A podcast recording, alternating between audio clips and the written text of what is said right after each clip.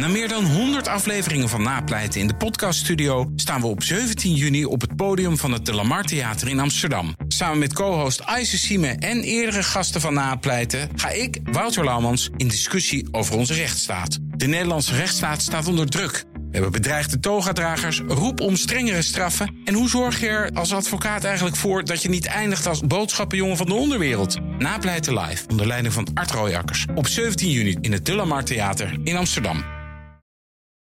Dit is een podcast van BNR Nieuwsradio. Hartelijk welkom bij de Technoloog nummer 110 zijn we. 110. Uh, dat is Ben van den Burg die dat zei. Mijn Ja. naam is Herbert Blankenstein. En we hebben vandaag als gast Jan Kuitenbrouwer, journalist, schrijver. En ook nog wel een beetje kenner van de ICT. Waarom Maar, zeg je eh, een gaan- gaan we het zo Ja, Nou ja, omdat je je niet meer profileert als zodanig. Hè? Maar Nou ja, ik- zojuist wel weer. Zojuist wel weer. Ja, want je zit hier als schrijver van het boek, of pamflet, essay, verzinnen woord, Datadictatuur. Sorry. Verschenen bij Prometheus. En we gaan het hebben over de, eh, de, de geschiedenis, hoe, hoe jij dat zo bent gaan doen. En ook over de inhoud. Juist. Heel goed. Ja. Oké, dus punt 1. jij hebt die opdracht gekregen van, help me eventjes. Eh, Frank Meester en Koen Simon, dat zijn de Ja, bedenkers. van de club. Ja, eh, Nieuw Licht. Nieuw licht. Sorry. Dat zijn de bedenkers van Nieuw Licht. En Nieuw Licht is dus een, is een reeks filosofische pamfletten. Naar aanleiding van de actualiteit. Gebaseerd op klassiek geworden filosofische teksten. Dus er wordt altijd een, een filosofische tekst als uitgangspunt genomen. Een grote eh, filosoof, een denker.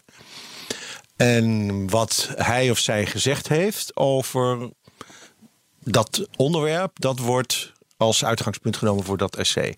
Ja, oké. Eh, voor we het daarover gaan hebben, vind ik het leuk om even te memoreren. eh, Wat waarschijnlijk ook wel een beetje de achtergrond is dat ze jou dat hebben gevraagd. Jij bent ooit begonnen als een soort ICT-journalist avant la lettre. Ja, dat klopt. Eh, intermediair, mijn micro. Ik was toen student en ik verslond dat. Oh ja? Ja. Wat leuk. Ja, ja, ja, we nee, praten over de jaren tachtig, hè? Zeker, begin jaren tachtig. Toen zat ik net in de journalistiek. En toen ben ik... Hoe dat nou precies... Oh ja, nee, dat... Ik eh, ging naar Amerika op reportage voor diverse onderwerpen. Want zo deed je dat dan, weet je wel. Dan moest je echt een, een soort mandje onderwerpen... anders kon je die reis niet betalen. Ja, dus ik had sociale, politieke onderwerpen... maar ik had ook een verhaal over de auto-industrie. De malaise van de Amerikaanse auto-industrie. Die fascineerde mij enorm. Eh, dus ik ging naar Detroit en ik ging praten met allerlei eh, betrokkenen. Met name bij General Motors, want daar concentreerde de crisis zich eigenlijk ook. Ja, het was een complete economische crisis, hè? ook met dalende huizenprijzen. En de Eh, Ja, hele dat ook. Maar er was ook sprake van dat de Amerikaanse auto-industrie eigenlijk gewoon niet wist hoe nu verder. Want ze waren overspoeld door die kleine, door de Japanse import. Ja, ja, ja. Dat En is die- precies innovatie. Over innovatie gesproken, Ja. inderdaad. En eh, dus de Japanners eh, sloten precies aan op de grote, op de megatrend die zich in de autoconsumptie, in het autogebruik voordeed. En eh, in Detroit zaten ze vast. En dat is gewoon, nou ja, dat is een, Nou, klas- Jan, ik zie dat een beetje anders. het is een klassiek verhaal. Nee, ik zie dat anders. Nee, want eh, we, we hadden het net over innovatie voordat we begonnen. En jullie eh, hebben niet zoveel met We innovatie. dwalen nou wel erg vroeg af, zeg. Wat? We nou Nee, maar dan moet, ik vind het wel... Ja, maar dat maakt Ja, niet uit. want dit Nee, was eigenlijk ook alleen maar een sideline. Hè? Oh, Oké, nou dan vertel ik het niet. De auto-industrie Nou, hoe dan ook. keer, eh, eh, ik, ik, mijn fascinatie was, eh, nog zonder daar dan verder een kwalificatie aan te verbinden. Hoe, hoe, hoe, hoe gaan ze daar nou mee om in Detroit? Wat, hoe gaan ze dat oplossen? Ja. Enfin, dus daarom was ik daar. En toen zat ik eindeloos te wachten op een directeur van General Motors. En die kwam er niet en die kwam er niet. En uiteindelijk kwam die wel. En verontschuldigde zich, want hij zei: Sorry, maar ik heb een dag met een gat erin. Het begon er al mee dat ik pas om vijf in de bed ging. Want ik heb de hele nacht zitten programmeren met mijn kinderen. Dit is in 1980 of zo, of 1981. Ik dacht, hè? Dus ik zei, op de mainframe van General Motors heb je dan een terminal thuis? Nee, nee, nee. Zei nee, op mijn eigen computer met de kinderen. Die hebben de kinderen mij voor mijn verjaardag gegeven. Of andersom, hij de kinderen, whatever. Ja. Dat weet ik niet meer precies. Basic hadden ze. Nou, dat was voor mij dus echt mind-boggling. Ik denk, hoe kan dit? Dat was dus een Apple II. En ik wist op dat moment in, instinctmatig, nou ja, dit is een revolutie. Ja. Eh, dus daar moet ik meer van weten. Dus toen kwam ik thuis en toen ben ik gaan rondbellen. En dat bleek dus te gaan om iets wat toen nog niet zo heette, namelijk de personal computer. Die naam moest nog worden De uitgevonden. hobbycomputer, de De microcomputer. microcomputer. De, eh, hè, later is door IBM de term PC gelanceerd. Ja. Ehm, en toen ontdekte ik dat Philips eh, ook zo'n apparaat op de markt ging brengen. Was natuurlijk gewoon een, een, een ding wat ze inkochten in Azië. En, eh, een Was dat de opplakten. P2000? Ja, en de voor, Ja. nog een voorloper van de Oké, P2000, meen ik zelf. Die liep op CPM. Dus dat Ja. was nog de voorloper van MS-DOS. En wat weer de voorloper was van Windows. Ehm, en toen belde ik ze en die vonden dat dus interessant dat een journalist dat A wist en B zich daarin wilde verdiepen. Dus die brachten dat, gaven mij dat ding in bruikleen. Eh, en daar heb ik eh, wekenlang, nachtenlang mee zitten Ja. experimenteren. En op een gegeven moment ehm, kwam de, zag ik een advertentie staan in Time of Newsweek voor de Apple III. De opvolger van dat ding van die, eh, van die man van General Motors. Toen dacht ik, goh, dat is interessant. Bellen, toen bleek Apple net een vestiging in Nederland te hebben. Gert-Jan Biersteker was zijn naam, ik zal het nooit vergeten. mijn hulp en eh, mijn steun en toeverlaat in deze eh, operatie. En die leende mij vervolgens een Apple III. Waar ik nog jaren, die heb ik uiteindelijk ook gekocht van. Ze heb ik nog, jaar, eh, nog jaren op gewerkt. En eh, nou ja, dat was dus in feite mijn kennismaking met de ICT. Ja. En toen heb ik dus die serie in intermediair geschreven. Dat was eigenlijk gewoon, dat heette Dagboek van een gebruiker. Was gewoon puur de leek geconfronteerd met dat apparaat. En de gekste dingen, weet je wel, dat je eindeloos tot diep in de nacht, dat de zaak gewoon vastloopt. Omdat je de floppy er verkeerd om in doet en zo. Weet je wel, dat soort hele elementaire, stomme dingen. Ja. Allemaal beschreven. Ja. Ehm, Software die niet compatibel is met wat je werkgever bijvoorbeeld Ja. opdrachtgever heeft. En, en natuurlijk heel ongebruiksvriendelijk. Kijk, bijvoorbeeld de browser was nog niet uitgevonden. Dus je kon wel surfen. Aan het Internet eind- was nog niet uitgevonden. Internet was in feite, nou ja, dat beschrijf ik natuurlijk in het Ja, boek. Hè. Dat, inbelmodems. dat werd net geboren eigenlijk. Dus als je wilde, precies, als je wilde surfen op het net, dus als je wilde eh, internetten, Ja, online wilde. dan moest je eh, een code, een adres intikken van soms wel 40 alfanumerieke tekens. Als daar één foutje in zat, dan gebeurde er helemaal niks. Dus dan zat je gewoon. Ja. En daar ben ik bijvoorbeeld zelf al helemaal niet goed in. Dan zat ik zo eindeloos te turen en weer op dat papier en te kijken van. Weet je wel, eh, nou, ja, dat soort, dat soort hele. Ja. En later kwam de browser, en toen kreeg je Mosaic enzovoort. En toen ging dat allemaal veel sneller. Ja. Maar eh, door die publicaties kreeg ik, want er was vanuit de, eh, de, high, de tech-wereld, de ICT-wereld, die waren enorm happig op, op publiciteit en op journalisten die, die wisten waar dit over ging. Dus ik werd bedolven onder uitnodigingen voor allerlei persreizen. En ja, ineens was ik ICT-journalist geworden. Ja. Leuk. Ja, ja, ja. Nou, de laatste tijd ben je veel met taal bezig, hè? En daarna heb ik, ben ik natuurlijk over taal gaan schrijven. Dus, en dat door Turbotaal. Dat werd een, Turbotaal, werd een bestseller. En dan ben je ineens taaljournalist. En dat ben ik vrij lang ook gebleven. Maar ik heb die hele ICT... eh, ontwikkelingen, dat internet, natuurlijk wel altijd ben ik altijd blijven volgen. Ik heb altijd een levende, levendige belangstelling ervoor gehouden. Nooit zoveel meer over geschreven. Tot ik vorig jaar dacht. Maar wat er nu allemaal gebeurt. Ja. Hè? En dat werd datadictatuur. En dat gaat over de, de, de publieke ruimte die, de, die het internet beloofde te gaan worden. Ja, En over het verdampen van die belofte. Ja, de machtsvrije ruimte. Dat, vind ik, dat vond ik wel Ja. een mooi woord. De- Ja. van. Ja, dat is de term van Habermas. Hè? ja. Vertel En- maar, Habermas. Nou goed, dus mijn tekst eh, voor Nieuw Licht, de klassieke denker. Ik stuitte op een gegeven moment op hem in dit verband. eh, is Habermas. En Habermas heeft in 1962 geschreven De transformatie van de publieke ruimte. Eh, en dat is e- eigenlijk zijn magnum opus. En waar, daarin beschrijft hij, het is een beetje is historisch, sociologisch, filosofisch werk. eh, beschrijft hij hoe eigenlijk het verschijnsel publieke opinie is ontstaan. En hoe in de burgerlijke samenleving van de 18e, 19e eeuw het verschijnsel, ja, de deliberatieve democratie, eh, de vorming, de menings, openbare meningsvorming. En dat speelde zich voor een belangrijk deel af in de, wat Habermas dan noemt, de koffiehuis. Hij is natuurlijk een Duitser, dus hij, weet je wel, dus dit, een beetje dat midden-Europese idee van die koffie, koffiehuiscultuur.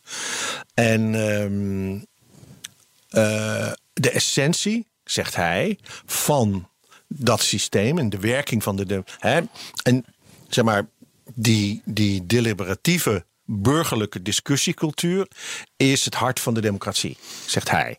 En eh, essentieel is dat dat een machtsvrije ruimte is. Dus met dat daar niemand aan de knoppen zit. Dat zijn gewoon vrije burgers, individueel, hoog, laag. Hij beschrijft dat ook, weet je wel, dat in die tijd. Dat koffiehuis is natuurlijk ook een soort pars pro toto. Ja. Eh, want het ging ook om vakverenigingen. Het ging om kerkgenootschappen. Het ging om gilden. Het ging, enfin, weet je wel, allemaal eh, sociale structuren. Allemaal groepen van mensen die met elkaar praten over Ja, en niemand het heen moet bepaalt met de wie wereld. er praat, niemand bepaalt waarover er wordt gepraat en niemand bepaalt wat er wordt gezegd. Precies. Ja. Ja. Oké. Nou, en dat is bijvoorbeeld, en bijvoorbeeld als je dan eh, in de 20e eeuw kijkt dat je grote machtsmedia hebt. Eh, Fox, die bepaalde toch ook het debat. Nou ja, dat Fox is precies wat. De NBC of noem maar. Ja, nou dat is dus precies wat, wat eh, Habermas eh, signaleert. In 1962, en dat maakt dat boek nog steeds wel fascinerend, dat Ja. hij dan al ziet wat er gaat gebeuren. Namelijk hoe de commerciële mediacultuur eh, van die publieke ruimte, een, een, van die machtsvrije publieke ruimte, een eh, politiek en, en, en economisch geïnfiltreerde publieke ruimte maakt. En daarmee het debat gaat sturen en de publieke opinie gaat proberen te kneden en vormen naar bepaalde belangen. En dat is wat hij dan al signaleert. En als je dat anno vandaag leest, dan denk je, poeh, you ain't seen nothing yet, Jurgen. Weet je wel, van, eh, want dat is sindsdien natuurlijk heeft dat alleen maar een veel hogere vlucht genomen. Nou ja, wat jij zegt, ik bedoel, eh, alles wat ik beschrijf over het internet geldt natuurlijk voor de gewone massamedia ook. Maar wel met één belangrijk verschil. Namelijk dat daar toch altijd nog een soort oude afspraken gelden. over die informatievoorziening en over die meningsvorming. Weet je, Ja. daar, daar is een soort gedragscode, zal ik maar zeggen. Een soort traditie. En die bestaat op het internet niet. Dat is een belangrijk verschil. Nog niet? Of. Nou, nog niet. Nee, nog Of niet meer. Nou ja, Nou ja, in dat is begin- dus, ja, in het begin, eh, toen was nou ja, dat is dus precies. Maar dat is dus het fascinerende, vind ik. Ehm, als je kijkt naar de geschiedenis van de media, dan zie je dat het eigenlijk altijd begon met particulier initiatief. Iemand vindt de drukpers uit. Ja. Iemand vindt eh, de telegraaf uit. Iemand vindt de radiobuis uit. Eh, de rotatiepers, eh, de telegraaf. Ehm, en die worden vervolgens. Eh, ontwikkelt zo'n industrie zich en zo'n medium. En vervolgens gaat de, de samenleving zich ermee bemoeien en zeggen: Oh, wacht Ja. even, we hebben wel allerlei regels nodig. Want dit is, dit is, we spelen met vuur, zou je kunnen zeggen. Dit zijn hele krachtige instrumenten. Die moeten we goed besturen. En Ja, daar moeten we verantwoordelijk mee omgaan. Dan moeten we reguleren.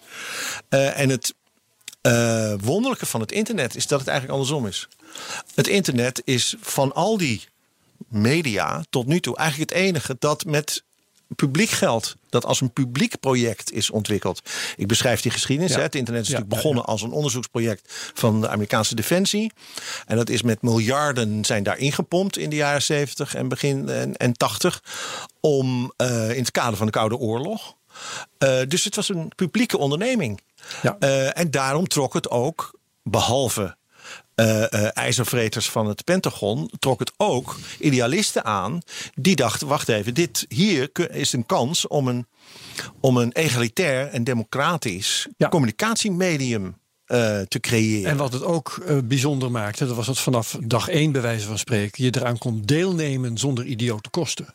Anders Precies. dan drukpers, Precies. radio en noem al die andere Ja, dingen maar op. Klopt. Het is als je dat En je vergelijkt had met massaal bereik. Ze- Zo is het. Nou, in het begin natuurlijk nog niet echt massaal, maar oké. In principe had je massaal bereikt. Ja. Ja, en het, omdat het dus, je kan zeggen als het eh, door, eh, door niet, omdat de overheid het opzette, zeg maar, hadden ze gelijk al regulering kunnen doen. Toch? Alleen omdat het oneigenlijk is gebruikt uiteindelijk. Want wa- ja, waarom was er dan geen regulering in het begin? Want Nou ja, dat, was, dat, is, dat is dus interessant. In, in het begin was het dus, hè, toen was het dus een Pentagon-project. Ja. En op een gegeven moment heeft de politiek, Al Gore, eh, van wie ze dus ook wel eens zeggen, die heeft het internet uitgevonden. Er wordt er altijd heel lacherig over gedaan, weet je wel. Eh, alsof hij dat zou hebben geclaimd, wat niet zo is. Maar wat hij wel gedaan heeft, is dat hij heeft de eerste steen gelegd van het internet door het internet, Ar- ARPANET, zoals het op dat moment bestond, te demilitariseren en eigenlijk te privatiseren. En dat is een cruciaal moment geweest, want toen heeft hij gezegd: je moet dat gewoon opengooien. Het is een wet, de Gore, de, de Gore-bill. Ehm, iedereen moet met dat internet kunnen doen wat hij wil. Je moet dat openstellen voor kapitaal, voor, voor, voor, voor individuen, voor verenigingen, voor, voor iedereen in principe. Ehm, zonder dat de overheid zich daarmee bemoeit.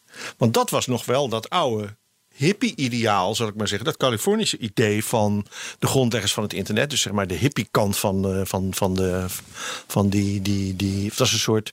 Hè, dat wordt dan wel de hybride orthodoxie genoemd van het internet. Weet je wel. Het, was, het waren dus. Het waren dus eh, eh, harde, rechtse. Eh, eh, eh, oorlogszuchtige militairen in feite die maar met één ding Ja, bezig waren, ja, namelijk Rusland tegenhouden, communisme tegenhouden. En idealistische, democratisch ingestelde hippies die iedereen een expressiemiddel wilden geven. Nou, en dat die, die vreemde hybride, die, die, die, hè, dit wordt ook wel de Coalition of Free Minds and Free Markets genoemd. En dat idee van, dus die zeiden, samen zeiden die, eh, geen big business. Want het, de bestaande mediastructuur werd eigenlijk beschouwd als, nou ja, het is het establishment. Die moet je buiten de deur zien Ja. houden. Want voor je het weet is dit een extensie van de bestaande mediasector. en de overheid moet je ook niet hebben, want eh, ja, die kunnen het niet. Want dat, En, en dat ging bovendien vanzelf, herinner ik me. Want jij vraagt, Ben, waarom zijn ze dan niet meteen gaan reguleren? Maar eh, gelukkig eh, waren in de meeste landen, en ik denk ook wel in de Verenigde Staten, de overheden die iets konden reguleren, die waren te dom om, of in elk geval te onwetend van dit hele fenomeen, om daar vanaf dag één hun, eh, hun regels op los te laten. Nou, dat speelde natuurlijk een belangrijke rol dat, dat deze materie ook toen al natuurlijk vrij, ja, die is gewoon heel ingewikkeld en exotisch. En, En ook de consequenties niet kunnen overzien. en de consequenties niet Ja. kunnen overzien, precies. Want hoe groot wordt dit en hoe belangrijk en wat gaat, gaat dit Wat allemaal betekenen? op doen? Ja. Bovendien, we hebben het over de jaren tachtig. En in de jaren tachtig werd de geest van Ayn Rand vaardig over de Amerikaanse politiek. En de, sterk, de wereldpolitiek. Eh, en toen kreeg je dus dat neoliberale idee van... ja, de overheid moet zich juist terugtrekken van de economie. De overheid moet Ja. juist niet reguleren. De overheid moet eh, alleen maar faciliteren. De overheid moet eigenlijk alleen maar eh, ehm, avonturiers en innovatoren over hun bolletje aaien. Eh, en vooral ze niet voor de voeten lopen. Nou ja, en daar is die hele. Dat is eigenlijk tot op heden nog steeds de mentaliteit in Silicon Valley. Ja, en eh, er was nog iets trouwens, want ehm, waarom hebben de, die, de eh, gevestigde machtige media dat medium zo lang links laten? Want het is een, een tijd lang hebben ze dat gedaan. Ja. Ook omdat ze er onbekend mee waren. Ik, ik werkte in die tijd, ik praat over eh 94, 95, Ja. 96 zo'n Ja. beetje. Werkte, ik ik werkte bij de televisie, ik werkte bij de radio, ik was freelancer, ik werkte bij kranten. En eh, om de haverklap probeerde ik mensen via e-mail te bereiken. Ja, nee, die en die, eh, redacteur X, die heeft wel e-mail, maar hij gebruikt het nog niet. Ja, ja, ja. Weet je wel? En eh, Ja. dan kwam, kwam weer een bericht in, eh, in het nieuws dat eh, die en die krant of die en die omroep heeft nu ook een website. Ja. Dat was dan gewoon nieuws. ja. ja. Weet je wel? Dus het heeft een hele Ja. tijd geduurd voordat het tot de gevestigde media doordrong. Absoluut. Oké. Ja. En hoe, daar- kwa- hoe kwam het dat het neoliberale gedachtegoed van Ayn Rand leading werd? Ja, ja dat, is een, eh, dat is een goede vraag. Ehm, ja, ik, het is een soort Welke elementen weet je, speelden mee? Nou ja, eh, misschien een soort teleurstelling in, in, in de performance, hoe zal ik het zeggen? In de, in de, performance van de overheid. Van de overheid, ja. Dus, dus dat, dat er werd dat, dat Je kan natuurlijk ook, dat werd bij ons. Ik kan even mijn telefoon uitzetten. Dat had ik nog niet gedaan. Ehm, je kunt natuurlijk bij ons. In Europa gebeurde dat ook.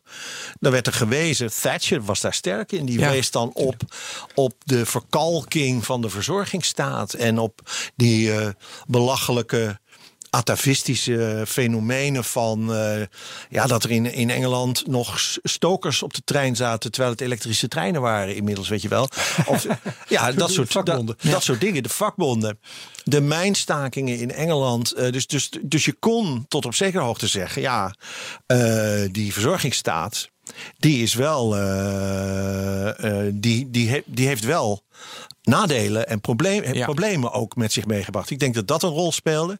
Ja, en misschien toch ook in Amerika ook een soort heel diep geworteld libertair idee van ja, maar eh, weet je, dat is dat zie je nu toch ook nog steeds. Dat dat is gewoon een heel belangrijke eh, eh, stroming in de Amerikaanse politiek, een heel sterk sentiment. Ja, die overheid die moet zich niet meer mee bemoeien. Ja, En eh, wapen, bij- bij wapensvrij enzovoorts. ja, en dus ook, eh, daarom is ook nog steeds in de tech-industrie, ja, die, die ze haten Washington, weet je wel. Ze vinden dat allemaal. eh, en er zijn altijd wel voorbeelden te geven van, ja, dat politie. We hebben nu laatst, begin eh, inmiddels alweer bijna een jaar geleden, die, die, die legendarische hearings gezien met Ja, Zuckerberg, Zuckerberg. in, eh, in, op, de- op de Hill. Met die senatoren, 80-jarige senatoren, Jongen, die, de- jongen, jongen. die die man moeten ondervragen. En die eigenlijk gewoon niet, niet erg begrijpen waar Hoe dit allemaal over gaat. geld eigenlijk, Nou, dat, ik, dat haal ik aan, die scène Ja, in het boek. ja, dat, vond ik, dat kon ook wel weer een soort heel leep zijn. Omdat hij eigenlijk daarmee toch wel Zuckerberg de kern van de zaak op tafel liet leggen. Hè? Namelijk wel bij plaatsen advertenties. Dus Ja, dat kon je op twee manieren erg- interpreteren. Je geeft hem wel erg het voordeel van de Ja, twijfel. ja, want hij had ook een beetje zo sluwe van die Orrin Hatch is nou niet de domste van het stel. Oké, nou, maar goed, eh, maar dat is dus wel een, eh, ja, dat, dat, dat, dat sentiment is heel sterk en dat Ja. begint eigenlijk pas. Nou ja, recent een beetje te kenteren. Van, eh, als je ziet, hè, de Het kent het marktwerk- nu wel hard, heb ik het gevoel. markt, marktwerking in de zorg. Weet je, er zijn een aantal van die dossiers waarop mensen zeggen: ja, dit was Maar voordat we helemaal in het, in het heden terechtkomen. eh we hadden net internet opgericht. En eh, dat Ja. was die mooie vrijplaats. En alle Ja. overheden en grote bedrijven zagen dat in, de, in eerste instantie niet staan. Ehm, Ja. Gaan we Habermas hier nog bij halen? Of stomen we meteen door? Want Nou ja, nou ja, paste dit in Nou ja, dit, het leek wel, en dat is ook wel gezegd door, door the- theoretici toen, dit leek een soort herkansing voor Habermas. Voor de koffiehuizen. Ja, Ja. dit was een nieuw digitaal. Ja, iedereen dacht dat toch, Herbert? Jazeker, ja, ja, ja. Zeker, die hele hackermentaliteit ook, weet je wel. Van ja, eigenlijk is het internet een vrijplaats. Ja. Het internet is ook, het is ook die meta, al die metaforen in de taalgebruik, die wijzen daar ook op. Hè? En we zouden geweldig onderwijs krijgen en onbeperkte vrijheid van meningsuiting en een goed eh, eh, opgevoede, goed eh, onderwezen bevolking en alles. Precies, en totale democratie van, van Politieke kennis. En, eh, deelname. ja, en, en dat idee, hè, bijvoorbeeld die term cyberspace, die, het is een buitenaards gebiedsdeel. Het is iets nieuws. Het is een Ja. nieuwe beschaving, een, nieuwe, een nieuw ding. De Wat- Declaration of Independence of Cyberspace van John Perry Barlow. John Perry Barlow. Hier hebben precies. jullie niks te vertellen. Zo is het. Nou, Ja. die citeerde ik ook inderdaad. En die is, dat is een heel belangrijk document. En dat was, ik bedoel, dat was de songwriter van The Grateful Dead. Hè? Dat was gewoon een oude hippie. Ja. Eh, hij is vorig jaar overleden. Een van de songwriters trouwens. Een van de, Ja. precies. Maar een belangrijke tekstdichter van, eh, van The Grateful Dead. En eh, dat soort mensen bepaalden heel sterk de sfeer en de ideologie van, van het internet. En ja, de overheid had daar inderdaad niks te zoeken. Ja. Sterker nog, de hele bestaande menselijke beschaving had daar niks te zoeken. Want hier, dit was volkomen nieuw. En dat verklaart ook heel veel dingen. Dat, maar het is, ik vind het echt eh, verbijsterend. Dat was een van de impulsen voor dit boek. Mijn, mijn verbazing over, over de enorme kloof die is ontstaan tussen de, tussen de beschaving, de cultuur van het internet en, de, en IRL, hè? in real life. In real life, ja. Eh, dat je denkt, maar wacht even, wat hier normaal is, is hier vol- volstrekt niet normaal en andersom. Hoe heeft dat kunnen gebeuren? Nou, dat is. Ja, en je eh, schrijft van dat de wetteloosheid van het internet koloniseert de analoge wereld. Ja, Ja, kun je een paar voorbeelden geven? nou, dat is, dat is inderdaad een, een, een, een, een gevaar. Dat, En ik had ook wetteloosheid, ja, dat is het. Weet je, maar dat had ik ook van. Nou ja, wetteloos. Ik weet niet of ik dat woord gebruik Ja, trouwens. le- ja letterlijk. Nou, ik heb het overgeschreven. Oké. Oké. Eh, en je hebt Nederlands gestudeerd. Ja, dus ik- daar ik zorg- dacht gewoon overschrijven. daar zorgvuldig in. Nee, prima. Maar ehm, eh, nou, het gebrek aan regulering zou je kunnen Ja. zeggen. En ja, nou ja, je ziet dus dat die, dat die, die ja, hoe zal ik het zeggen, eh, totaal onge ongeregelde en ongemodereerde en onge, eh, ongematigde eh, informatiecultuur van het internet. Die overigens ook zijn charmes heeft. Ja, hoor. daar moeten we het zo over hebben. Hoor. Zeker, Heel graag. nee, want, want anders dan ik Ja, wil niet nee. als een bronpot overkomen die dit allemaal maar niks vindt. Hij heeft ook heel veel mooie dingen met zich meegebracht. Maar een van de effecten is dat de bestaande oude media, ja, die, die worden daardoor in het nauw gedreven. En die denken, ja, mm, wat moeten wij dan? En die, voor een deel gaan ze daarin mee. En dat is zonde. Dus daar zie je dus dat, dat eh, cyberspace de echte wereld ja, koloniseert. Ja. En eh, allerlei normen omtrent en, en, en, en conventies op het gebied van privacy. Nou, die worden door het internet ondergraven. Ja. Die zijn in de echte wereld ontstaan in de afgelopen honderd jaar. En, en, en ineens zeggen, zeggen, zegt, zegt, zegt de tech-industrie. Eh, daar kijken wij heel anders tegenaan. En Ja, heel veel mensen gaan daarin mee. Ja, een van de voorbeelden eh, is in de oude media en internet is eh, dat is Stand by Your Ad. Dat is bij de verkiezingen. En hoe krijgen de Amerikaanse internetbedrijven het voor elkaar dat ze daar niet, ja, dat is lobby, maar hoe krijgen ze het voor elkaar dat ze dat niet hoeven? Nou ja, dat is een verbijsterende geschiedenis. Ja, maar hoe komt dat? Nou ja, dat heeft dus te maken met, met die, die, die, die, die, die, die, die houding in Washington in de tijd. Dat ze allemaal dachten, nou ja, wat ze daar in Silicon Valley allemaal doen, dat is ontzettend mooi en belangrijk en fascinerend. En eh, dat gaat ook, nou ja, dat is, dat is een nieuwe, nieuwe wereld, dat is de toekomst. Ja. Dus, eh, en we begrijpen het niet helemaal wat ze daar eigenlijk allemaal uitspoken. Dus, dus toen John McCain, een typische, ja, eh, totaal doodgemodereerde, eigenzinnige eh, eh, politicus, die zich door, zoals bekend, door weinigen de les liet lezen, die zei op een dag: Maar wacht eens even, we hebben nu allerlei wetgeving over politieke reclame. Dat internet wordt steeds belangrijker als politiek communicatiemedium. Dat, die regels die we hebben, die moeten eigenlijk ook voor het internet gelden. Ja. Bijvoorbeeld Stand By Your Ad, dat is in, wat was het ook alweer, de jaren negentig meen ik, is dat door, onder, door McCain is dat ingevoerd. En dat is simpelweg, als er op, Amer- op de Amerikaanse televisie of radio een eh, spotje is voor een verkiezingskandidaat, dan moet die zich bekendmaken. Ja. Dus die zegt, ook al gaat het over een hele specifieke issue, dan moet hij altijd nog zeggen aan het eind: My name is John McCain. En I approve this message. Dat is, een, een, een, eh, dat is toen ingevoerd. En dat is natuurlijk een hele gezonde regel. Want dan weet je waar het vandaan komt. Ja. En nou, toen zeiden ze dus... Nou, dat moet dan voortaan op, op internet ook. En toen gingen de, ging, ging eh, eh, Facebook onder andere en Google... die gingen in beroep daartegen. En die schreven een rapport aan de Federal Communications Commission... waarin ze zeiden, nee, maar dat, jullie vergissen je. Geen ruimte Want- hadden ze. Want wij, internet is anders. En jullie begrijpen het niet. Eh, je moet het internet toch eigenlijk meer zien als de bedrukte ballpoint. Je moet het in- internet eigenlijk meer zien als de koffiemok. Je moet het internet eigenlijk meer zien als skywriting. Dat is, weet je wel, dat die vliegtuigen aan de, aan de hemel eh, teksten schrijven. Vanwege beperkte Die, kunnen, eh, je- die zijn uitgezonderd van deze regel. Want je kunt niet eerst zeggen: eh, eh, doe, de- stem dit of dat. En dan ook nog dat vliegtuig daaronder in kleine lettertjes laten schrijven aan de hemel. Enfin, of op die koffiemok is gewoon te weinig ruimte voor. Ja. Dus die hebben uitzonderings. eh, Hoe- die hoe zijn is het- vrijgesteld. Want ik, ik deel jouw verbijstering. Hoe kan het in godsnaam dat ze daarin zijn getrapt? Want het Ja. tegendeel is waar. Ja, natuurlijk. In, op internet is de ruimte onbeperkt. In internet is de ruimte onbeperkt. Je kunt wel het argument maken dat de formatering van het internet inderdaad. dat is van het begin af aan zo geweest. Bijvoorbeeld de banner, weet je wel. Dat is gewoon. Ja. Een, ik heb me wel eens afgevraagd. Ik sla een krant open en ik zie zo'n grote advertentie van eh, Toyota. Ja, Prachtige kleuren fotograferen. Da, da, da. Weet je wel, terwijl de berichtjes zijn allemaal zo klein. Waarom is dat op het internet niet? Dat heb ik mij wel eens afgevraagd. Maar het is zo. Ja. Weet je wel, het is niet zo als ik aanklik, de NRC-site klik, dat ik bam in een grote commercial van. eh, Meestal eh, niet. Nee. Nee.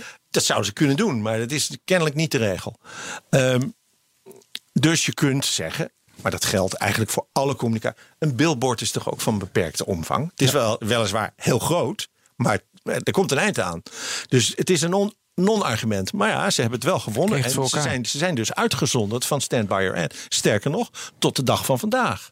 Want McCain is het blijven proberen. En eh, Facebook en Google die hebben hun lobby in Washington ongelooflijk opgevoerd de laatste jaren. En een van de, een van de eh, redenen is dat ze Stand By Ad willen tegenhouden. Ja, ja, ja. Ik wil nog even terug naar het onderwerp eh, privacy.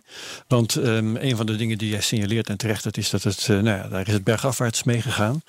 Aan de andere kant eh, heeft internet wel ervoor gezorgd dat er een generatie is opgestaan, of misschien moet ik zeggen een, een, een, eh, een afdeling van de maatschappij van eh, eh, privacy eh, eh, voorvechters Ja.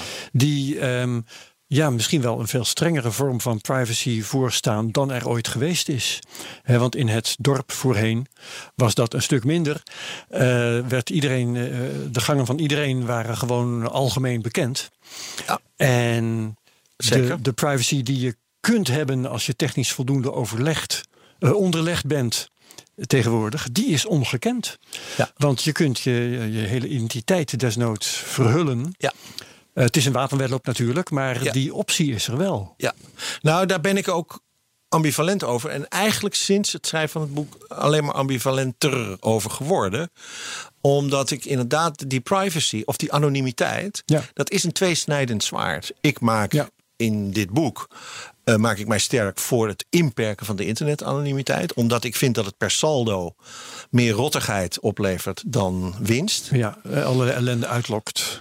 En Anonimiteit. al die dingen, al die, die, die, die, die bullying, shaming, doxing, nou ja, al die, die Trolling. trolling, al die nare bijverschijnselen, die soms echt tot verschrikkelijke gevolgen kunnen leiden in het echte leven.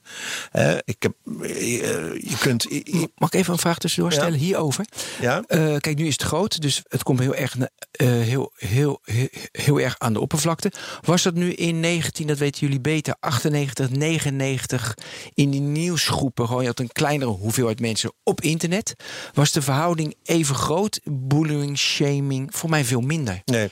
Nou, je had flame wars, weet ik nog wel. Hè? Mensen konden vreselijk ruzie maken. Maar in Maar- die tijd is de, de zin geboren on the internet... nobody knows you're a dog. Ja. Je wel, je, tuurlijk, ja. Als je daar met je, met je e-mailadres of met een of andere alias je meldde in een nieuwsgroep of iets dergelijks, dan was er niemand die eh, makkelijk aan jouw identi- identiteit kon komen. Ja. Dus het was toen, je was toen eigenlijk automatisch anoniem. Maar heel veel was- en narigheid dat was, was het de toen. default. Maar Eh, nee. het- Minder. Ja, ik heb het idee minder. Duidelijk minder. In, in Ja. Usenet-groepen enzovoorts. Waar, daar, wat daar, daar want was die de hippies, toon... die wilden toch iets maken? Die wilden Precies. toch... En, en het enige eh, wat ik dan soms onaangenaam daar vond, was meer van die ongelooflijk eh, strenge nerds die dan zeiden. Dogmatische. Dogmatische nerds die dan zeiden: Dit is off topic. En dan werd je afge- meteen afgekapt. Ja. En dan start een andere draad. En zo, weet je wel. Dus mensen die zo heel stram die etiketten. En dat kon soms ook wel. En ook wel mensen die elkaar beleren. Dat Ja, maar ook in het autistische spectrum... eh, Ja, precies. Een beetje, ja, een beetje Asperger-verschijnselen. maar dat, dat echte hele vitriolische eh, elkaar kapot maken. meer Dat, dat is volgens mij wel iets van de laatste tien jaar. Ja, ja, ja. Overigens, iedereen heeft zo zijn eigen irritaties. Ehm, eh, ik, ik, eh, eh, ik stoorde me aan de ideologie dat je op internet iemand anders kon zijn dan in het werkelijke, in Ja. real life. Ja. Dan noem, mensen noemden zich Captain Crunch of dat soort idiote Ja, pseudoniemen. Ja. En eh, vonden dan dat ze dat waren en dat niemand verder hoefde te weten wie ze in werkelijkheid waren. Ja, oké. daar- Nou, dat, is, maar dat, dat, is een, een, dat zit in het DNA van het internet. Ja. Dat is, een, dat is een, een erfenis van die oude hacker-ideologie. Van eigenlijk zijn wij bezig de samenleving te ondergraven. Hè, dus is een vorm van revolutionaire paranoia. Ja. En alleen je gedrag telt, alleen je uitingen tellen. Eh, Ja, ja. en bovendien, de Big- Brother is always watching us. En is altijd out to get us. Dus we moeten ons een, ja, een revolutionair pseudoniem aanmeten, weet je wel. Dat heeft ook iets van, ja, dat, maakt je jezelf ook gevaarlijker dan je misschien eigenlijk bent, weet je wel. Want ik moet wel onder valse naam opereren. Dus die, dat ethos is heel, eh, is heel elementair voor het et- internet geworden. En, dat- maar dat is dus ook van toepassing op alle doodgewone gebruikers die eigenlijk alleen maar als consument daar opereren. Ja, maar ook dat is in zijn tegendeel verkeerd natuurlijk, Jan. Want, eh, en dat signaleer je volgens mij ook. Ehm, want er is een hele generatie nu die er werkelijk niet over piekert om onder een of ander alias zich te melden op Facebook en dergelijke. Iedereen opereert daar gewoon onder zijn eigen naam. Ja. En eh, wil alleen maar dat die foto van mij aan het Ja. strand, dat eh, iedereen weet dat jij dat inderdaad bent. Ja, klopt, inderdaad. Dus dan, daar, daar is, het een, is, het, is het natuurlijk een medium voor zelfexpressie en, Ja. en, en zelfpromotie en ja. zelfverheerlijking. Zeker. Maar dus, dus wat betreft die anonimiteit. Is de balans. Er stond net een stuk op de site van, eh, van, van Bits of Freedom van Barry Smit. eh, Waarin hij ook ingaat op mijn boek en op dat argument. Bits of Freedom is het daar niet mee eens. En naarmate Big Tech groter en machtiger en agressiever wordt als het gaat om onze data, wordt het argument dat je anoniem moet kunnen opereren op het internet eigenlijk alleen maar groter. Dus in die Ja. zin, weet Ja. je wel, eh, in die zin is, keren we misschien in zekere zin terug naar die oude situatie dat, dat, dat we eigenlijk allemaal eh, eh, underground willen zijn een beetje, of Mhm. kunnen zijn, omdat, eh, nou hier bijvoorbeeld die, die, die nieuwe betaalrichtlijn uit... eh, De PSD2? ja, Poeh, dat is nogal niet wat, hé. Dat straks mag Google al mijn bankgegevens eh, bekijken. Als Ja, maar die geef je toch gewoon niet? Nee, daar moet je toestemming voor geven. Daar ben ik met je eens. Maar hoeveel mensen gaan dat niet gewoon, die begrijpen dat niet Ja, volledig klopt, en die ja. gaan dat doen. En dan kan Google al mijn bankgegevens zien, niet alleen de mijne, maar ook alle mensen met wie ik geld, aan wie ik geld overmaak. Dat is het hele- gevaar. Ja, ja, ja. Weet je wel? Dat vind ik allemaal eh Nou ja, vrij eng. en, en het gevaar dat die service gewoon te goed wordt. Dat zelfs denkt van, ik doe het ook. Ja, ik bedoel, ik heb ook een YouTube Premium account. Want ik vind YouTube vind, vind ik heel goed. Dus snap je? Dus, en terwijl, Absoluut, maar dat is het grote dus een- probleem. maar dan denk ik, YouTube mag mijn video gebruik mogen ze weten. Weet je, maar, voor de, maar niet mijn bankgegevens. Dus ik ga dan kiezen. Ja. Maar ja, ik weet dat het allemaal onzin is. Maar Ja. Nee, maar het is, het is om een gevoel van controle te houden. Ja, eh, ik ben van Facebook afgegaan, maar ik denk soms wel eens, ja, eh, ik heb het eigenlijk gewoon nodig. Ik ben een zelfstandige, Ja. ik, ben, eh, ik ben een auteur, ik wil eh, een beetje aan de weg timmeren. Nou, maar dat, daar wil ik het Dus sowieso over hebben. Je hebt natuurlijk heel veel, weet je, delete Facebook, delete Facebook. Ze hebben te veel macht.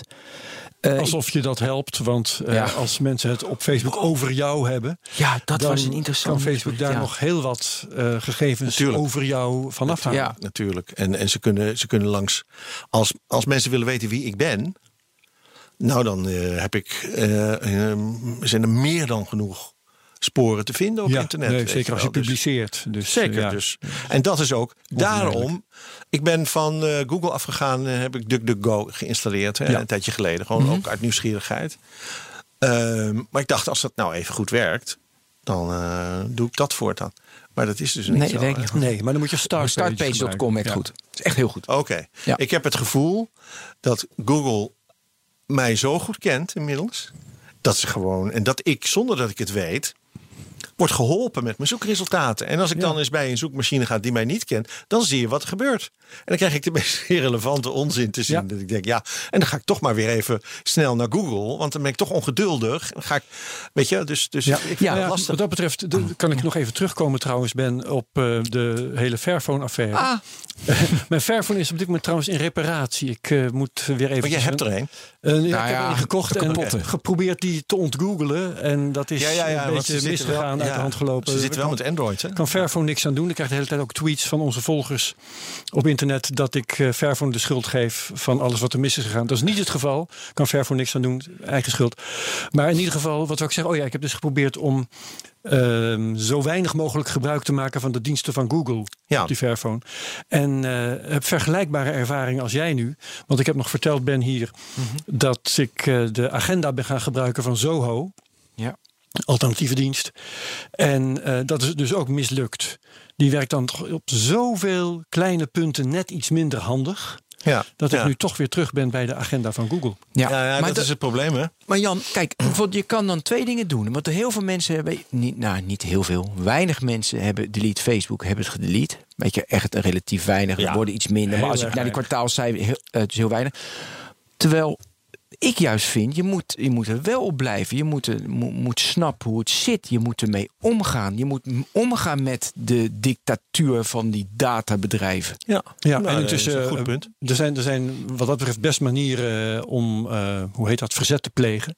Bijvoorbeeld een adblocker. Want eh, Ja, dat is standaard, Ik hoor, ik ja. hoor van mensen dat het creepy is wat voor advertenties je op Facebook. Nou, ik heb daar geen idee van, want ik zie geen advertenties. Nee, weet ik je wel? En dan, eh, ja. dan zet je al de bijl aan de wortel van het hele model van Facebook. Terwijl je er wel van profiteert. Kijk, dat geeft mij een goed Nou, en weet je, wat ik, weet je wat ik eindelijk heb gedaan? Ook veel eerder moet doen. Ik heb spammyben.gmail.com. Weet je, ik was What? spammyben, gewoon een ander e-mailadres waarbij ik, ik test Oh, heel veel. ja, ja, ja, ja. Had ik natuurlijk al lang moeten doen. En ze- dus ik zal bij Google wel gekoppeld zijn. Ja, maar dat is echt fijn, want daardoor kan je gewoon heel veel en dan ziet ook dat bedrijf, hey, spammy, dat vind ik ook wel grappig. Maar dat, weet je, daardoor ben je heel veel troep kwijt. Ja, maar dat is dus, nou, dat is dus, jij illustreert, jullie allebei illustreren Ja. dus nu precies, zeg maar, mijn, mijn dubbel, dubbelhartigheid ten aanzien van die anonimiteit. En ik denk, ja, eh, jij doet het juist om, om, om je eh, te, te ontkomen aan de datadictatuur. En dan is het dus in feite. Op bepaalde deelgebieden. Hè? Bijvoorbeeld ja. met mijn video's ben ik gewoon ingelogd als Ben, als ben van den Burg. Want ik wil de beste recommendations hebben ooit. ja. En Ja. die krijg ik ook, dus dat is perfect. Ja. Maar op andere gebieden, een testje, dan denk ik van ja, ik kijk allemaal van die bedrijven die ik niet ken. Eh, troep binnen niet. Ja. ja. Waar ik het ook nog even over wil hebben. Want ik ben afgelopen week op Twitter en ik voelde me onwijs beledigd. Ik ga ook zijn naam even noemen. Eh, maar nee, ik, ik, ik, ik was blij. Ja, ja, ja, ik weet Mark Roelofs heeft mij een libertariër eh, eh, dus genoemd. En ik, ik wil Mark toch bedanken, want ik was onwijs beledigd. Ik denk nee, maar daardoor moest ik verplicht een introspectie doen. Ben ik dat echt? Ja. En toen dacht ik van ja, op bepaalde gebieden ben ik dat inderdaad. Ik, ik, weet je, ik, ik, ik wil niet alles wegschuiven. Ik wil weet je, kijken hoe we, wat we ermee kunnen doen. En ik, de overheid moet reguleren, dus dan ben ik het weer niet. Maar Ja. ik, ik zit best wel met die term in de knoop nog steeds bij mezelf. Nou, Jij dus bent niet de help me enige. even. Jij bent niet de enige. Dat is, nee, nee, Maar bedankt, Mark. Ja, en ik vond het wel grappig om te lezen. Want eh, het is natuurlijk een thema in de datadictatuur. Hè? Ehm, ja, dat is dus het wonderlijke. Je ziet aan Silicon Valley dat daar heb je libertariërs van zeer uiteenlopende snit. Eh, weet je, wel, dan heb je Ja, van Pieter dus, Thiel. Dus, dus van Pieter Thiel, nou ja, dat is gewoon een ongelofelijke reactionair. Dat is een Trumpiaanse alt-right figuur. Ja. Tot eh, Louis Rossetto, die ik zelf goed ken, eh, of redelijk ken, eh, oprichter van Wired, die ook een libertariër is. Maar dat is dan weer een zo'n Ja. klassieke hippie. Nou, Chris Moore is mijn ex-manager, eh, dus uit Japan. Nou, dat is ook, daar heb ik gesprekken met Dus hem je over. kunt Dus- links libertarisch. Dat is het gekke. Dat is het, het, het fascinerende. Je kunt, li- libertarisme zegt eigenlijk niet zoveel over of je rechts of links bent. Nee, maar bovendien, en daar las ik pas een stuk over nou, er- ergens in de Engelstalige pers. Ehm, via Boing Boing kwam ik dat tegen, dus als mensen willen zoeken. Eh, dat ging hierover. Eh, Silicon Valley is gek op disrupting. Ja, En Ja. dan ga ik even op, op het Engels over. As long as they are doing the disrupting. exactly. En zodra eh, ze zelf worden gedisrupt, dan Ja. lopen ze met hangende pootjes naar Washington om de regulering te hulp te roepen. Ja, ze zijn nu begonnen. Het is echt ongelooflijk. Eh, op welk dossier is dat nou ook alweer? Oh ja, netneutraliteit. ja, dat is ook een... Ja, precies. Netneutraliteit. Eh, dus, dus dat gaat eh, Trump meteen eh, afschaffen. Weet je, Obama heeft het ingevoerd. Trump schaft het af. En die Ja. zet die Ajit Pai bij de FCC. Dat is gewoon een Verizon, Verizon-directeur. Ja. Dat is gewoon een baas van, Zetbaas. van een provider. provider. Ja. Het is in het belang van de providers. Dus het is gewoon een hele klassieke, klassieke eh, Dus vriendjespolitiek. ze gaan de providers meteen massa-ontslagen invoeren. te- nadat ze massa's hulp hebben gehad. Precies. Ja. En de Democraten zijn dus eh, pro-netneutraliteit en anti deze maatregel. Maar en Californië heeft hem bijvoorbeeld teruggedraaid. Hè? Per- je kunt het doen per staat. Ja.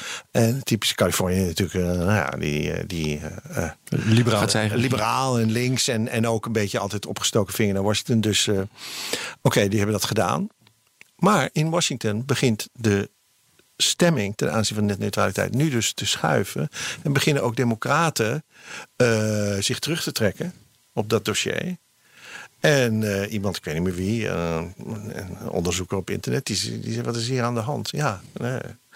Tech begint nu uh, de democratische. Eerst hebben ze geïnvesteerd in de, in de, de, Republikeinen om die netneutraliteit van tafel te krijgen. En nu gaan ze de Democratische Partij. Dus ze konden zo'n hele reeks senatoren aan, aanwijzen die enorm veel geld uit Silicon Valley krijgen. Je, je, kunt niet zeggen tech heeft deze of die houding ten opzichte van netneutraliteit. Want uh, zoals je zelf al zegt, de providers zijn heel erg tegen die netneutraliteit. Die willen daar uh, hun eigen handeltje bevoordelen. Terwijl allerlei andere Silicon Valley bedrijven zoals Google ja. en, uh, Facebook denk ik ook, een hele rits van die Netflix, die zijn voor netneutraliteit, ja. omdat dat hun businessmodel Precies. bevordert. Precies. Ja, nee, maar het is, en dat is ook een, een, het is een heel ingewikkeld dossier, want het is ook, het, dat gaat kantelen. Want zo gauw netneutraliteit inderdaad geen wet meer is, en Verizon dus inderdaad, of, of providers dus inderdaad die walled gardens kunnen gaan bouwen. allemaal. Uh, dan wordt het voor Netflix ook weer interessant. Want dan kunnen ze zeggen, nou dan maken wij een apart eh, Netflix uh, setje. En dan kan je daarop abonneren en dan krijgen we voorrang. En dan weten we dat we uh, alle bandbreedte hebben mm enzovoort. Dus het is een hele lastige afweging. Nou ja, ik vergelijk het met het wegennet, weet je wel. Dus het is gewoon, ja, ja kan ik met mijn mini straks de snelweg nog op? Ja. Hey, um, datadictatuur. We zijn begonnen met Habermas, vrijplaats. Uh, internet in het vroege stadium was zo'n vrijplaats. Dat is allemaal teloor gegaan. Hebben we het nou over gehad. Wat doen we er tegen? Hoe ontkomen wij aan de datadictatuur? Nou ja, uh, uh, ik geef een aantal, doe een aantal suggesties aan het einde van het boek. anonimiteit heb je al gezegd. Anonimiteit, anonimiteit. Nou ja, maar goed, daar, daar, kom ik dus, daar ben ik opnieuw over aan het nadenken. Ja. Dat is een tweesnijdend zwaard. Ja. Maar een hele evidente, vind ik, uh, mededingingswetgeving. daar hebben we het nog niet over gehad. Maar het feit dat, dat in, in, in de tech zijn uh, markt, marktaandelen van 80, 90 procent heel gewoon. Mm Dat mag in de rest van de wereld Winner takes all. Winner takes all. De, de, de, de, de klassieke media, hier het Financieel Dagblad, BNR, waar we hier zijn. die, die zijn helemaal, helemaal tot achter de komma gereguleerd. Ook wat betreft hun marktaandelen enzovoorts. En de uitgeverij en dit en dat. En dat geldt voor uh, internetbedrijven allemaal helemaal niet. Ja, dat is, dat is, dat is heel gevaarlijk. Een, een, een, een positie zoals Amazon heeft zo langzamerhand. Het is gewoon niet goed. Het is niet gezond. Nee, en dat heeft te maken mee om er wat aan te doen. Want zodra je een monopolist aanpakt, denk aan Microsoft in uh, rond 2000 zo'n beetje. Ja. Je bent tien jaar bezig voordat je een veroordeling hebt en daar misschien effect van merkt. En dan is het eigenlijk al lang niet meer relevant. Ja, dat had Roosevelt met uh, Standard Oil wel sneller voor elkaar. Die heeft vijf jaar geprocedeerd. Ja, en bovendien uh, gingen de ontwikkelingen toen minder hard. Precies, dus uh, dat, dat gold toen waarschijnlijk ook als een recordtijd. Maar nee, het is waar. Maar het is wel zo dat de antitrust beweging aan het aan het, aan het, uh, is wel bezig hoor. Aan het terugkomen is. Ja, je ziet de, de, Met, uh, dan weer groot stuk in de New Yorker of New York Times, dan weer de Economist. Nee, ik zat toevallig gisteren, uh, ik heb het even gepakt nu, zat ik naar de boetes die Google krijgt hier uh, ja, van, de, van Europa. Ja, 2,74 miljard boete Q2 2017, 5,07 miljard dollar boete in Q2 2018. Ja. ja. Dus, gaat nu best. Tuurlijk, het is een schijntje op hun totale ja, omzet. Het schijnt dat gedrag. Dat is het, schijnt, ja. het schijnt dat ze daar in Mountain View. Uh, als, als, als, als, die, die boetes bekend worden, uh, elkaar high-fiven en roepen: We won. ja. Champagne. Ja. ja, want ze hebben 100 miljoen, 100 miljard ja, tuurlijk. Maar, dollar in kas. Maar het irriteert ze wel. Dat zie je ook aan, aan wat Pieter Thiel zegt weet je, in die interviews de hele tijd. Van, het kost eh, tijd en aandacht en de pers zeikt erover door. Natuurlijk. Dus ze willen, ze willen dit niet. En, uh, uh, maar bovendien, ook in Amerika begint dit nu toch een beetje op te komen. Van, uh, en niet alleen linkse politici, maar ook economen. Paul Krugman, Nobelprijswinnaar. Uh, hele serieuze uh, wetenschappers en denkers op dit vlak. Die zeggen ja. we moeten hier iets aan gaan doen. En jij hebt een punt, ik geloof dat dat een punt van jou is. Dat je dit soort marktaandelen niet moet bestrijden, maar voorkomen. Dat zou natuurlijk een stuk makkelijker zijn als ja. je dat kon doen. Ja, maar goed, dat, en, en, en, precies, dat ben ik met je eens. En dat, dat is wat er vroeger eigenlijk gebeurde. Nou ja, soms ook niet, hè, want sommige dingen slippen er dan doorheen. Ja. Uh, maar dat, dat is in feite wat we nu doen met uh, de wet op de mededinging in de media, weet je wel. Ja, op, als, als de persgroep een nieuwe krant erbij wil. Eerst even kijken of het wel mag. Dan wordt er, wordt er eerst, is een hele, staat meteen in alle kranten, meteen een hele discussie. Um, ja, ja maar de techbedrijven zeggen natuurlijk, we zijn geen media. Dat is, Dat is ook een interessant- van de problemen. uitgever. Nou, ja. dat is bijvoorbeeld ook iets wat moet veranderen. Eh, langzamerhand hebben zij dat argument in feite natuurlijk verspeeld. Ja, dat is en, en met de dag, eh, Facebook gaat met de dag meer modereren en tweaken en sturen en, en zo. Ja, dan ben je een uitgever. Dan ben je een curator, ja. Ja, dan ben je een uitgever, dan ben je een curator. Ehm, en dan gelden moeten Ja, die regels en ook voor jou gelden. En nu is het nog heel erg een beetje time spent. En dan is het time well spent. Maar een curator, die moet natuurlijk denken, die moet bedenken wat zijn de psychologische, sociale gevolgen van wat ik Ja. breng. Ja, en maar dat is ook- moeilijk mee. Dat is ook best wel lastig. Ja, maar die doet bijvoorbeeld lezersonderzoeken. Dat, dat doet Facebook niet hoor. En Facebook eh, doet is Facebook alleen maar push. Facebook is alleen maar eh, ja, maar Facebook doet dingen wel in de pijplijn stoppen. Dus- kijken. Nou ja, ze doen wel zijn onderzoek in de zin van. Het is meer zoals een laboratoriumrat. Als die ratten gaan lopen of een erectie krijgen, oh, dan zijn we goed bezig. Weet je, maar dat is wat anders dan dat ze te- tegen de rat zeggen: wat zou jij nou leuk vinden? Weet je wel, dat is wat gewone media doen. Van, eh, dus die hebben toch meer een open gesprek. Een Want de- machtsvrij gesprek. Ja, maar Gebruikers van Facebook die laten vanzelf merken wat ze leuk vinden door erop te klikken. Dat hoef je Ja, maar ze kunnen ze zo manipuleren dat je als je Zo alleen maar naar onthoftingsvideo's wil kijken, dat je je zo manipuleert, want ze kunnen mensen manipuleren, dat je op een gegeven moment, ik hou ook van bloemen. Ja. Je, Dus de, maar, en dat doen ze natuurlijk niet. onthoofdingsvideo's. Ja. Naast onthoofdingsvideo's. Ja, of in plaats van, dat is liever.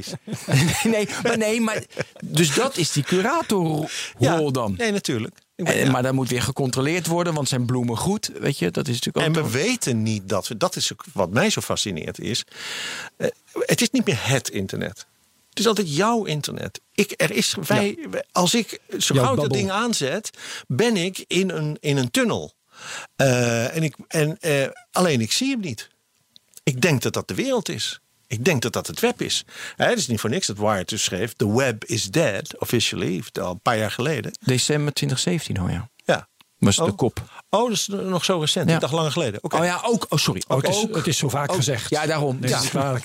Komt, eh, Ja, ja, nee, het maar precies. is al zo vaak doodverklaard. Precies, nee, maar ik, ik haal het ook aan en en het gaat er ook om. Dus het internet is niet dood, maar het web, weet je wel, het web Ja. als, als digitale stad, Ja. eh, weet je wel. Kunnen we nog even door, dus regulering, anonimiteit. Dat vind ik wel even, weet je, ook de oplossing. Wat we nou moeten doen. Dus, Nou ja, ja, dus- die trustwetgeving, anonimiteit. Ja, antitrust, meer. Eh, wat hebben we nog meer? Eh, nou ja, je moet dus eh, eh, eh, even denken. God, we we hebben even- een lijstje aan het einde. Hè? ja, er zit een lijstje. Ja. Eh, nou ja, dingen, dingen als ehm, Ja. bots en trolls en dat soort dingen, daar moet je, daar moet je van af. Ja. Dus je moet, daarom moet je die anonimiteit en die rekenschap van die providers, die moet je verhogen. Ja. Eh, Facebook kan niet eens eh, zeggen wie zijn 5 miljoen adverteerders zijn. Dat is verbijsterend. Ze hebben er 5 miljoen, maar ze kunnen Ja. geen lijst geven Ja. wie dat zijn. Ja, dat zeg je ook. eh, eh, je moet aan een advertentie kunnen zien wie ervoor betaald heeft. Precies. dus kan wel, maar dat willen ze niet natuurlijk. Nou, dat is een hele lange lijst, 5 miljoen. Maar ja, uiteindelijk is Ja, maar- een eh, database. eh, Per hallo, advertentie moet je dat kunnen zien. Dat Ja. zou al heel wat zijn. Dat je hem openbaart is één ding. Maar dat je hem hebt, dat je Ja, het nee. zelf weet. En dat je het kunt, kunt zien. Nee, dat ze zeggen dat ze dat niet, niet- Nou ja, misschien liegen ze. Maar weet je... Het, Ja, misschien is ook bovendien, het gaat, Nee, maar dat, dat is ook... Mark Zuckerberg zegt ook telkens... Of Zuckerberg moet je zeggen, heb ik nu geleerd. Ehm, die zegt... eh, toen stand by your ad eh, in die discussie. Ja, dan moeten ze dus een, een, een repository aanleggen. Dus een, eigenlijk een register van politieke adverteerders. Ja, Ja. eigenlijk heel logisch. Van, eh, Natuurlijk. Geven, ze- geven ze een lijst. Wie zijn het? Wat hebben ze betaald? Wanneer was het? Enzovoort. Gewoon een archief in feite. Eh, zei eh, Zuckerberg, president-directeur van een van de grootste bedrijven ter wereld. Die zei, ja, dat vinden wij toch wel een erg grote verantwoordelijkheid. En dat is dus die, zeg maar, die, die, die, die, die, die, die adolescente mentaliteit van Silicon Valley nog steeds. Van ja. Ja. maar hallo, wij zijn toch niet bezig met red tape en administratie. Wij zijn, wij zijn met innovatie bezig en met een avontuur. Move fast and break Ja, things. maar, Move nou ja, fast maar, and ja, break ja, maar dan is altijd mensen, het is een lul, het is een klo- kloot, weet je weg. Ik vind dat hij nu die debatten gaat houden. Ik vind dat interessant. Ik ben benieuwd wat eruit gaat komen. Ik vind die ontwikkeling. Ja, dat, Ja, dat nou is ja, natuurlijk. Want ik mooi. heb ook. Kijk, eh, eh, eh, is- nou, ik weet niet hoe, hoe jullie het lezen, maar ik heb geprobeerd. Ik ben aan de ene kant natuurlijk heel kritisch over Facebook en Zuckerberg in, de, in dit boek. Maar aan de andere kant toch ook wel met enige compassie, want het zou je maar overkomen. Zo, nou. Dat je miljardair wordt. Want hoe zou jij ermee omgaan? En Herbert, jij, bedoel, Nou, dat is niet absoluut. makkelijk. En nu zei hij van de week iets waarvan ik dacht, dat heb ik altijd gedacht, jammer dat ik het er niet ingezet heb. Hoewel, het staat er geloof ik wel in. We, wat we niet moeten vergeten, is dat die jongen, een, hij zegt het zelf, een engineer is. Hij is gewoon een technicus. Ja. Ik zeg gewoon, dat klinkt onder. Dat Nee. Hooggevallen, Ja. Nee, maar zeggen. dat betekent dat hij, hij bouwt systemen. Ja. Hij is helemaal niet bezig met de samenleving. Hij is helemaal niet bezig met verantwoordelijkheid. Hij is helemaal niet bezig met jou en mij. Eh, weet je wel, hij is blijkbaar ook cynisch, want hij zegt van de dumb fucks, weet je wel, van Ja. eh, die geven jou je data. Eh, dus die jongen is mentaal totaal niet eh, eh, geëquipeerd voor het- Nee, maar hij heeft wel blijk gegeven van leervermogen. Nou ja, dat Inderdaad. Om een voorbeeld te noemen, eh, behalve dus, Facebook maakt eh, elk jaar één of meer verschrikkelijke flaters waar ze zich dan formeel voor eh, excuseren en zo. Ja. En dan gaan ze gewoon weer verder. Maar hij heeft wel leervermogen. Hij heeft bijvoorbeeld heel goed geleerd eh, zich te presenteren. Hij was echt zo'n Ja. nerd, zwetend bij, eh, Ja. hoe heet het ook weer, die ene. Maar goed, er zijn interviews van hem waarin hij nog harder zweet dan Nixon tegen Kennedy, weet je wel.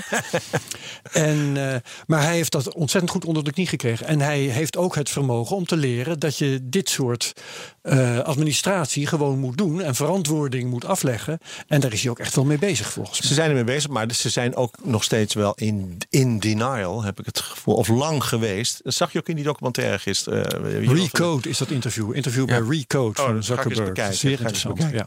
Eh, VPRO heeft een tweedelige documentaire over Facebook uitgezonden afgelopen Hm. dagen. En daar komen een aantal Facebook-mensen aan het woord, toppers, net onder Zuckerberg. En die zijn ook allemaal ongelooflijk goed geprept, want die zeggen allemaal precies hetzelfde. Eh, bijna letterlijk. Wordt op een gegeven moment in de montage ook achter elkaar gezet. Dan zie je, hoor je gewoon telkens diezelfde zin. Ja. Dus dat. dat eh, maar die zeggen dus ook allemaal. eh, je hoort als je goede oren hebt en je, en je kunt goed luisteren naar mensen, dan zie je die mensen praten en dan hoor je gewoon de volgende zin eraan komen. Dan denk je, oké, en dat de volgende zin is. We hebben het gewoon ernstig onderschat. We vonden het niet belangrijk. En dan, maar die zin komt natuurlijk niet. Ze zeggen dan. Is even een kleine pauze, want dan moeten ze even herinneren. Wat was ook alweer? Oh ja, dan moeten we zeggen. eh, I guess we've been too idealistic. Oh, ja. Dat is hun eh, code voor, ja. eh, Ja, maar het gaat natuurlijk om het lerend vermogen dat ze hebben en hoe snel ze zich kunnen, kunnen, ja, kunnen leren En willen. en willen. willen. Want het gaat, kijk, dat is. Ik begreep de hele tijd niet. Wat is het. Kijk, ik kom uit de oude media. Ik ben een journalist. Ik ben opgegroeid in de klassieke journalistieke traditie. Hoewel ik ook een new journalist was, maar dat is een ander verhaal. Eh, Zet letters achter elkaar. vergeleken met internet in elk geval. Ja. Dat betekent dat ik denk, transparantie is goed. Voor een medium draagt bij aan je gezag. Eh, verantwoording afleggen, al die dingen. Dat moet je willen als medium, want dat is goed voor je. Waarom willen de techbedrijven, waarom willen, wil Facebook dat nou niet? Nou, omdat die een niveau hoger zitten. Want ehm, een krant wil wel transparant zijn en een eh, omroep eh, onder sommige omstandigheden.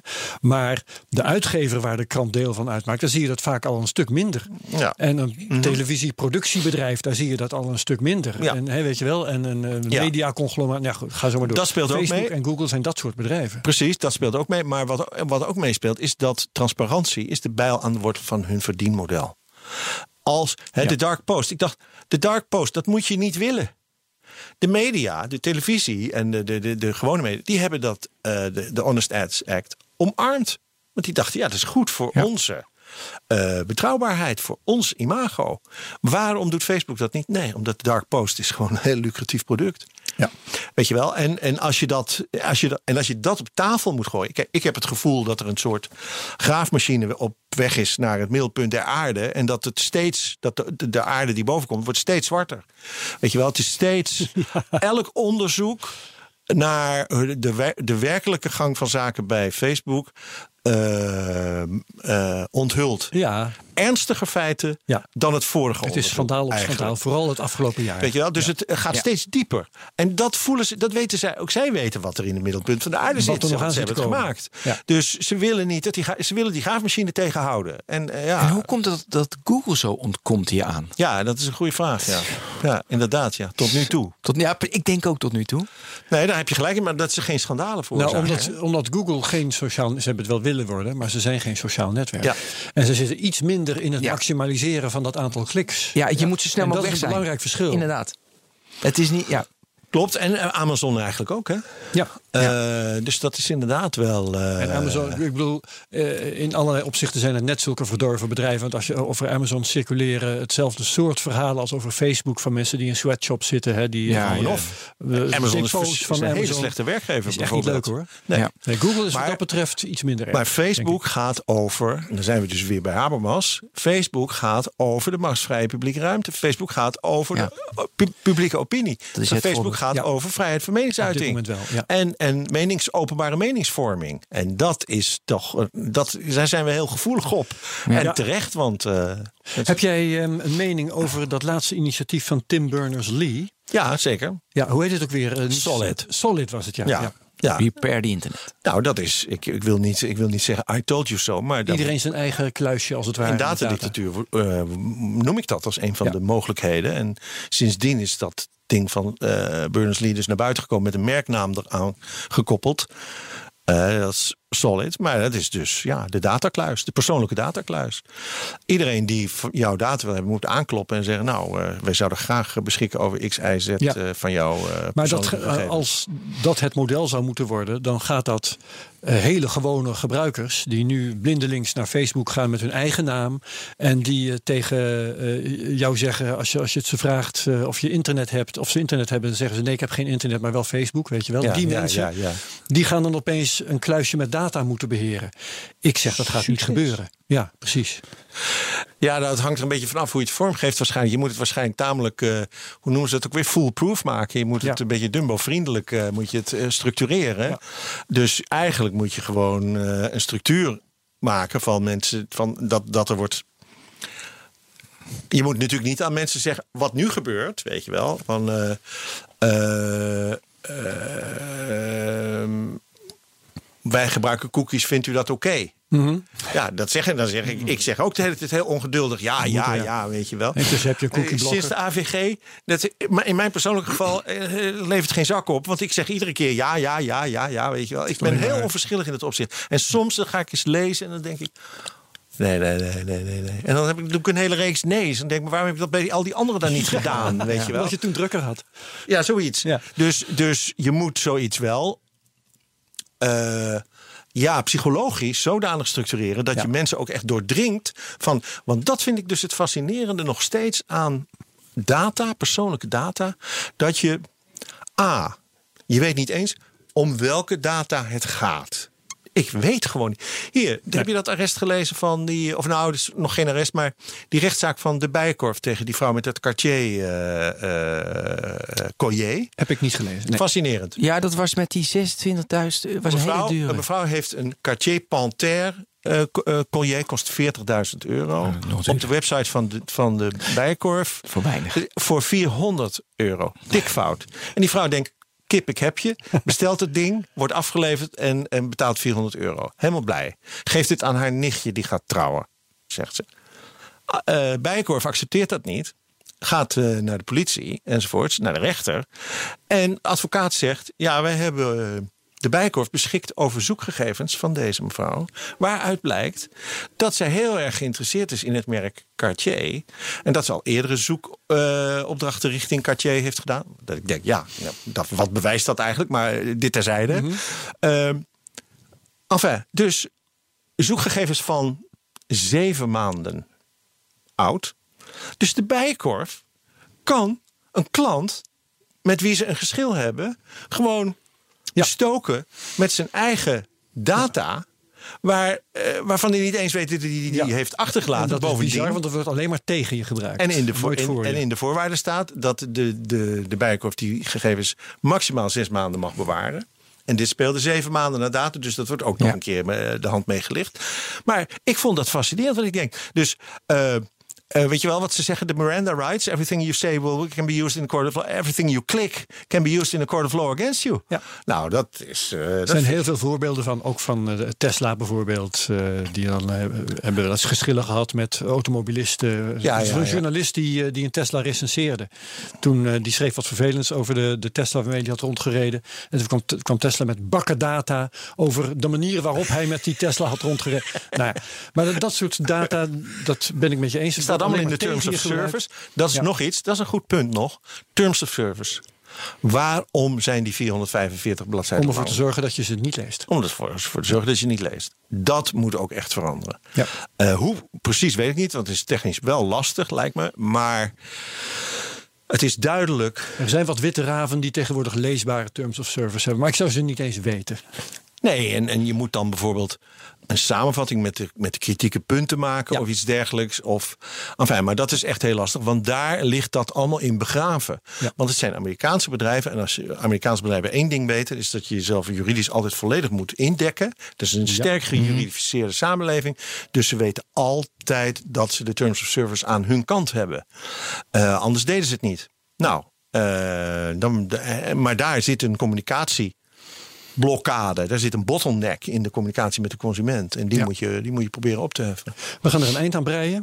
Ehm, nou, wat hadden we dus? Hè? Monopoliebestrijding, anonimiteit eh, mo- moet op de. Ja, en ik vond uit deze ook Zouthoop. doelbewuste verslavingsstrategieën met notificatiestructuren Ja. en dopamine, dopamine manipulaties moet strafbaar worden gesteld.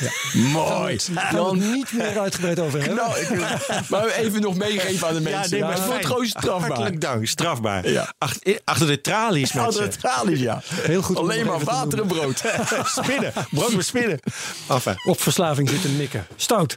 Oké. Bedankt, eh, Herbert. Dit was eh, de eh, technoloog. Datadictatuur, uitgegeven bij Prometheus. Zo Wat is is de prijs? 12,99 als ik me goed, Geen als, geld. als ik me goed herinner. Zo Ja, geen vind ik ook. Ja, leuk boekje. Ja. Dag genoten. Datadictuur Jan Kuitenbrouwer, bedankt.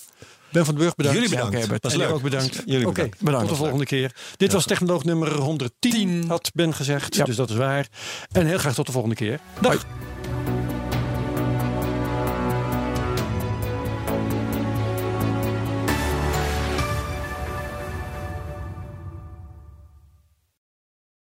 Ook Liesbeth Staats vind je in de BNR-app. Ja, heel handig. Luister live naar Kees en mij tijdens de Daily Move. Dan blijf je ook gelijk op de hoogte van breaking news en het laatste zakelijke nieuws. En daar vind je ook alle BNR-podcasts, waaronder de Perestrooikast. Download nu de gratis BNR-app en blijf scherp.